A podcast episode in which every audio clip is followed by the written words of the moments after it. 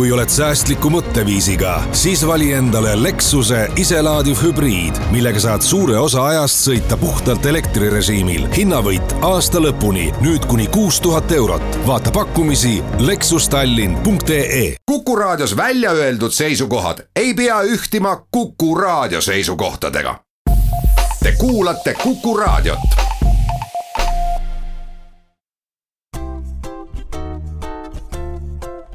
patsiendiminutid.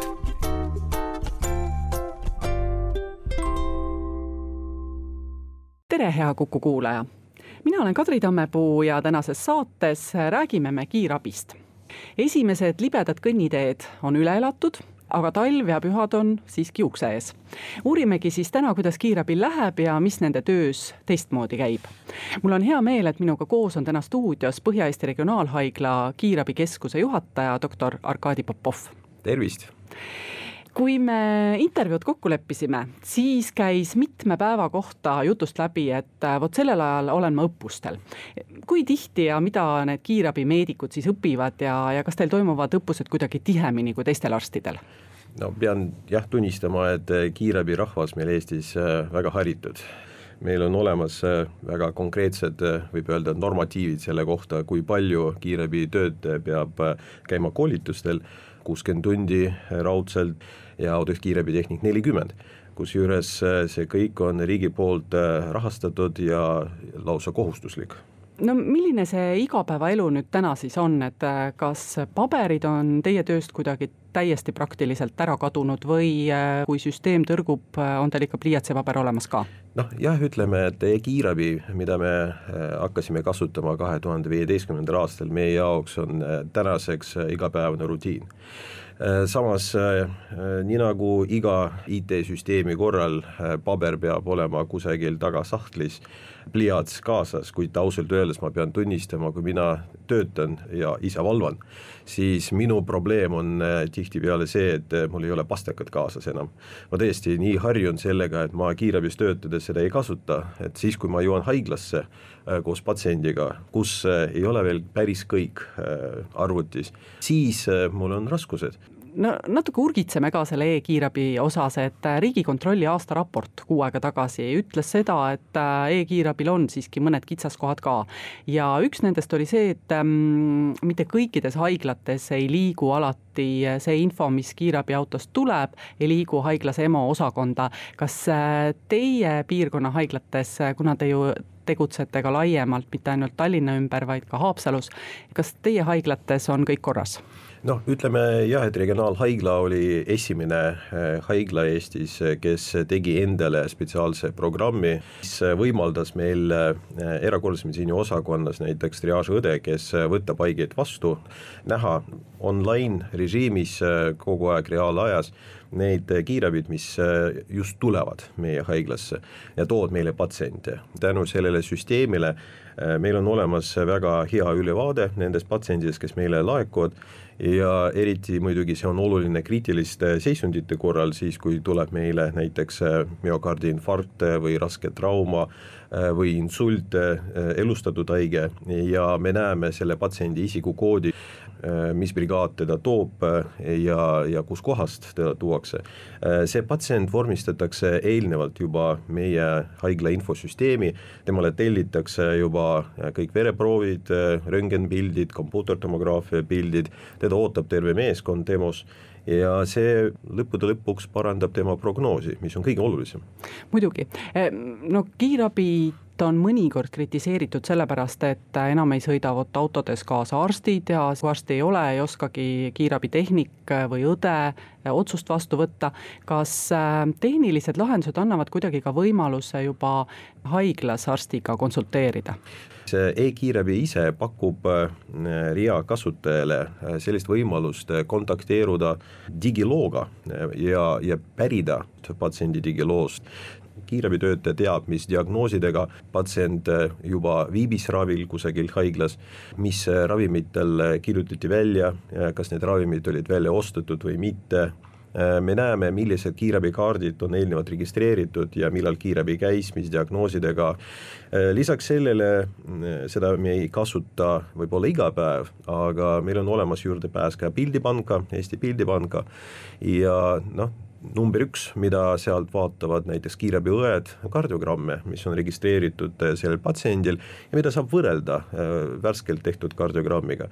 aga nüüd, kui ikkagi kiirabitehnik jääb hätta, et kas tal on võimalus näiteks haiglas äh, arstiga konsulteerida mingil moel? noh, kui me räägime telemeditsiinisüsteemist, siis selline süsteem täismahus meil töötab Regionaalhaigla kiirabikeskuses esimesed sammud olid tehtud kahe tuhande üheteistkümnendal aastal, siis kui me alustasime väikesaarte projektiga Ruhnus, Kihnus, Vormsil. Ja siis äh, meil tekkiski probleem, et kuidas need esmaabi andjad, kes äh, iseseisvalt äh, peavad teenindama patsienti, esmaabi andjatel puudus igasugune meditsiiniline kogemus ja ka haridus. Äh, meie siis lõime sellise telemeditsiinilise süsteemi, kus äh, need inimesed, kes seal saartel töötasid, olidki lihtsalt äh, meie konsulteeriva arsti käepikendus, võib öelda, nad olid varustatud spetsiaalse telemeditsiinilise aparatuuriga.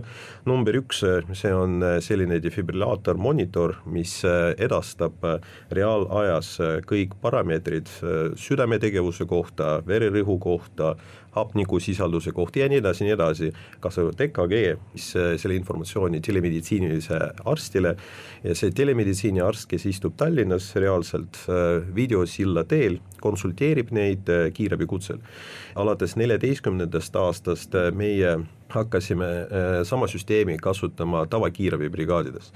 põhjus oli selles, et peale äh, kiirabireformi meie regioonis enam ei olnud arstibrigaade, üleüldse äh, kui me räägime õebrigaadi tööst, kui nad puutuvad kokku kardioloogiliste patsientidega, siis nad alati pigem sooviksid konsulteerida arstiga hetkel tänaseks päevaks me teeme circa neli pool tuhat äh, telemeditsiinilist konsultatsiooni aastas ja kõik kardiogrammid, mida kiirabitöötajad registreerivad prehospitaalselt, need äh, võib öelda lendavad äh, läbi 4G meie telemeditsiini serverisse, edasi laekuvad telemeditsiiniarstile, ta annab nendele tagasisidet ja oleme teinud uuringuid, mis näitavad, et isegi elulemuse paremaid tulemusi nendel haigetel, keda me konsulteerisime telemeditsiini teel Te ütlesite, et neli pool tuhat korda aastas annab arst äh, telemeditsiini abil nõu. kui palju neid ähm, väljakutseid siis üldse on? Eestis aastas toimub äh, circa kolmsada tuhat väljakutset. Äh, regionaalhaigla kiirabis aastas me teeme umbes ühe kümnendiku sellest, ehk siis kolmkümmend tuhat. Nendest me konsulteerime ainult neli, neli pool tuhat, ühe kuuendiku või natukene vähem isegi aga läheme siit väikesele pausile, mõne minuti pärast oleme tagasi ja jätkame juttu doktor Arkadi Popoviga. patsiendiminutid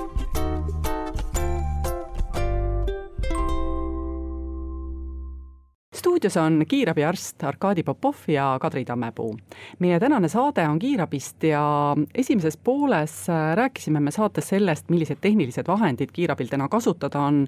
Ja ma usun, et paljud kuulajad äh, muutusid rahulikumaks, et äh, isegi kui kiirabitehnik tuleb kohale, siis tal on võimalus arstiga konsulteerida, aga nüüd ähm, kiirabis on ju väga oluline see, kui kiiresti auto kohale jõuab, see on peaaegu et üks, üks esimesi kõige olulisemaid asju kui äh, kiiresti siis üks äh, kiirabiauto täna kohale peab jõudma? maal, linnas, suuremas linnas, väiksemas linnas on need ajad ilmselt erinevad?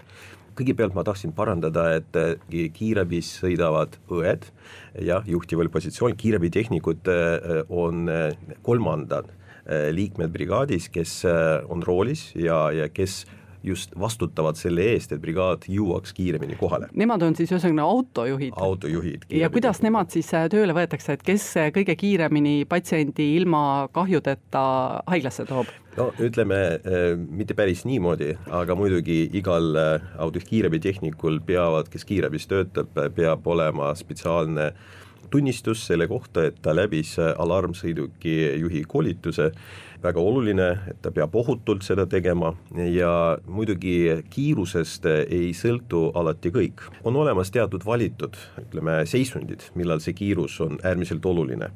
number üks on elustamine, number kaks, see on äge insult äge müokardiinfarkt, äh, raske trauma. et need äh, neli on eelkõige olulisemad äh, tüüpjuhtumid, mille korral me peame kiiresti reageerima ja iga sekund võib öelda loeb. see on niinimetatud delta kutse tavaliselt, kõige kõrgema prioriteediga kiirabikutse, siis ühe minutiga me peame välja sõitma ja ideaalis peaksime jõudma kohale linna piirides kümne minuti jooksul linnast väljas viisteist minutit oleks väga hea. meie statistika meie keskuses näitab, et delta kutsetele meie brigaadid, aga me töötame enamasti väljaspool linna, välja arvatud Haapsalu linn, Kärdla, Rapla, Keila, me jõuame sinna kaheteist, üheteistkümne minutiga. kas see on palju või vähe, patsiendi jaoks, kellel süda ei tööta, see on äärmiselt palju, sellepärast et süda jääb seisma ja viie minuti pärast, kui mitte keegi ei elusta haiget, siis äh, tekivad taas pöördumatud muutused peaaju rakkudes.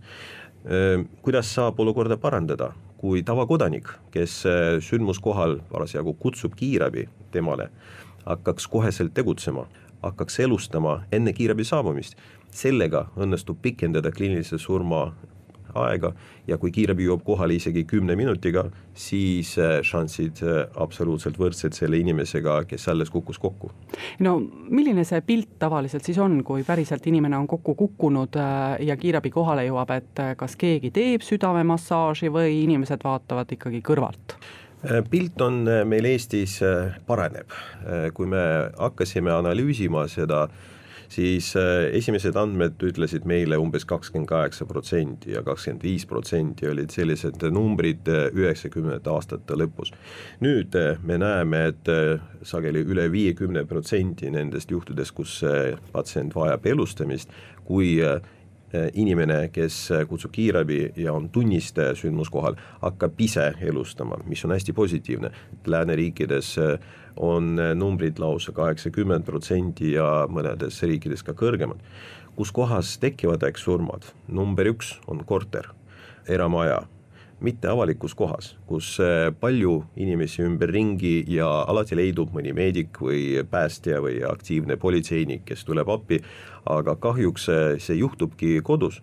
Ja võtme küsimus on see, et sugulane, omaksed oskaksid seda teha miks näiteks kuueteistkümnendal oktoobril, millal meil Eestis ja Euroopas toimub äh, selline üritus nagu elustamise päev, käed päästavad elu, miks ma peaksin võtma osa sellest elustamise koolitusest, sellepärast et äh, mul on omaksed olemas, mul on sugulased, mul on abikaasa, ma pean hoolitsema kas ähm, võib ka juhtuda nii, et äh, häirekeskuse töötaja oskab natukene nõu anda, kuidas äh, südamemassaaži teha, kui oh,? jaa, muidugi mm, -hmm. kui äh, häirekeskuse dispetšer võtab selle kutse vastu, siis ta alati, kui on tegemist kahtlusega äkksurmale, ta suunab antud kõne edasi häirekeskuse meedikule, neid on üldjuhul kaks valves Eesti riigis, Lõunakeskuses ja Põhja häirekeskuses ja see meedik juhendab elustamist protsessi, kuni jõuab kohale eh, kiirabibrigaad. ja siis ta annab brigaadile üle, nii et eh, ta küsib, kas te olete nõus sellega ta ei õpeta mitte kunagi kunstlikku hingamist äh, telefoni teel, ma ütlen, see on praktiliselt võimatu, aga ta juhendab äh, ringkere kompressioonide teostamisel. mis see ringkere kompressioon siis täpsemalt tähendab? see on südame, kaudne südamemassaaž, seda nimetati niimoodi vanasti, noh, asi on selles, et äh, kui inimene vajutab äh, ringkere peale kätega rinnaku peale, ega ta ei vajuta ainult südame peale, ta vajutab ka kopsudele ja suurtele veresoontele ja just äh, sellega tekitab äh, sellist, võib öelda, pumpamise efekti organismis ja veri hakkab käima. et mitte südamemassaaž, aga lausa ringkere massaaž või ringkere kompressioon. selge, aga nagu meil juttu ka tuli, siis umbes kuuendik juhtudest vajavad arstiabi. ikkagi nagu peaaegu et viis kuuendikku on sellised lihtsamad juhtumid, aga millised on või kui palju selliseid juhtumeid on, kus tegelikult võib-olla kiirabi ei olekski vaja välja kutsuda? just äh, tutvustati kiirabi pidajatele Eesti Haigekassa poolt läbi viidud audiidi kiirabikutsete osas, mis hõlmas äh, aastase perioodi ja kus analüüsiti ka kiirabi väljakutsumise käitumisstiili Eestis ja mis tuli välja, näiteks teatud regioonides kutsutakse tunduvalt rohkem kiirabid, no näiteks Ida-Virumaal, et kui Ida-Virumaal äh, inimesed, kes seal elavad, hakkaksid kutsuma kiirabid sarnaselt sellega, kuidas seda teeb äh, keskmine eestlane, siis äh, selles regioonis väheneks kutsete arv circa kaheteistkümne tuhande võrra praegu on umbes nelikümmend neli tuhat, nii et äh, drastiliselt langeks. see sõltub sellest, kuidas inimesed on harjunud, mida me näeme, äh, delta kutsed moodustavad umbes kümme protsenti kuni viisteist protsendini. Äh, delta kutsed kõige kiiremad kutsed, kui me nüüd vaatame, kas iga selline delta kutse lõpeb patsiendi hospitaliseerimisega, mis kaudselt näitab, et tegemist on raske seisundiga, siis me näeme, et alla viiekümne protsendi ülejäänud jäävad koju, see tähendab seda, et ei olnudki väga raske seisund sama probleem on näiteks äh, Charlie kutsetega, mis on ka vilkuritega sõit, aga väljasõit kolme minutiga, potentsiaalselt eluohtlik seisund. Need kutsed praegu prevaleeruvad kiirabikutsete struktuuris, samas äh, kui me vaatame, kui palju seal hospitaliseeritakse, kolmkümmend, kolmkümmend viis protsenti, nii et äh, veelgi vähem. Äh, kui me räägime, kuidas olukorda parandada, meil on juba adapteeritud Eestile üks äh, kiirabi väljakutsete vastuvõtmise manual, mis äh, ilmselt on kasutusel alates kahe tuhande kahekümne esimesest aastast, mida see manual näeb ette. Teatud väljasõidu korralduste puhul, väljasõidukorraldus nagu selline jääb ära ja patsiendile või kutsujale pakutakse mingi alternatiiv kas minna iseseisvalt EMO-sse või pöörduda järgmisel päeval perearsti poole, mida hetkel eh, kehtiv eh, manuaal ei näe ette no mis nõude lõpetuseks annate inimestele, et millal siis ikkagi see kiirabi kutsuda või millal teda mitte mingil juhul kutsuda? kindlad näidustused kiirabi väljakutseks on eh, sellised ägedad seisundid nagu traumad number üks ja mis ongi esikohal meil teine kindel põhjus on siis, kui patsiendil ootamatult äh, järsku tekib äh, rinnakutagune valu, mida ta varem ei ole kunagi põdenud või isegi kui on olemas selline kogemus, inimene juba teab, mis on südamelihase infarkt ja valu on sarnane sellega, kui juhtub järsku halvatus, ta järsku tekib ja tekib kahtlus insuldile või kõnehäire samamoodi Need asjad viidavad ägedale insuldile, mida me saame väga kiiresti ja operatiivselt ja väga efektiivselt ravida. kui me räägime raskest õhupuudusest, kui me räägime sellest, inimene kaotas teadvuse, kukkus kokku ja me kahtlustame kliinilist surma, see on ka meie jaoks äärmiselt põhjendatud kiirabikutse number üks, olge siis palun aktiivsed, kui te tahate kedagi päästa, ärge häbenege ja ärge kartke, tegutsege, samas kui te näete võimalust ennast aidata, võtta valuvaigistid ja te ise saate aru, et see ei ole selline surmav probleem, mõelge, kas te saate ennast aidata äh, nende asjadega, mis on teil kodus apteegis olemas, äkki saate pöörduda perearsti poole, erakorralise meditsiini osakonda vajadusel pühad on peatselt tulemas ja loodame siis, et äh, inimesed käituvad mõistlikult, äh, võib-olla napsutavad vähem ja, ja õnnetusi juhtub ka vähem. aga suur aitäh, PERHi kiirabikeskuse juhataja, doktor Arkadi Popov täna saatesse tulemast. loodame siis, et äh, praegu ei jäänud keegi ilma kiirabita. oi muidugi mitte, kiirabid sõidavad tore, täname ka kõiki kuulajaid, kuulmiseni taas nädala pärast ja seniks olgem terved patsiendiminutid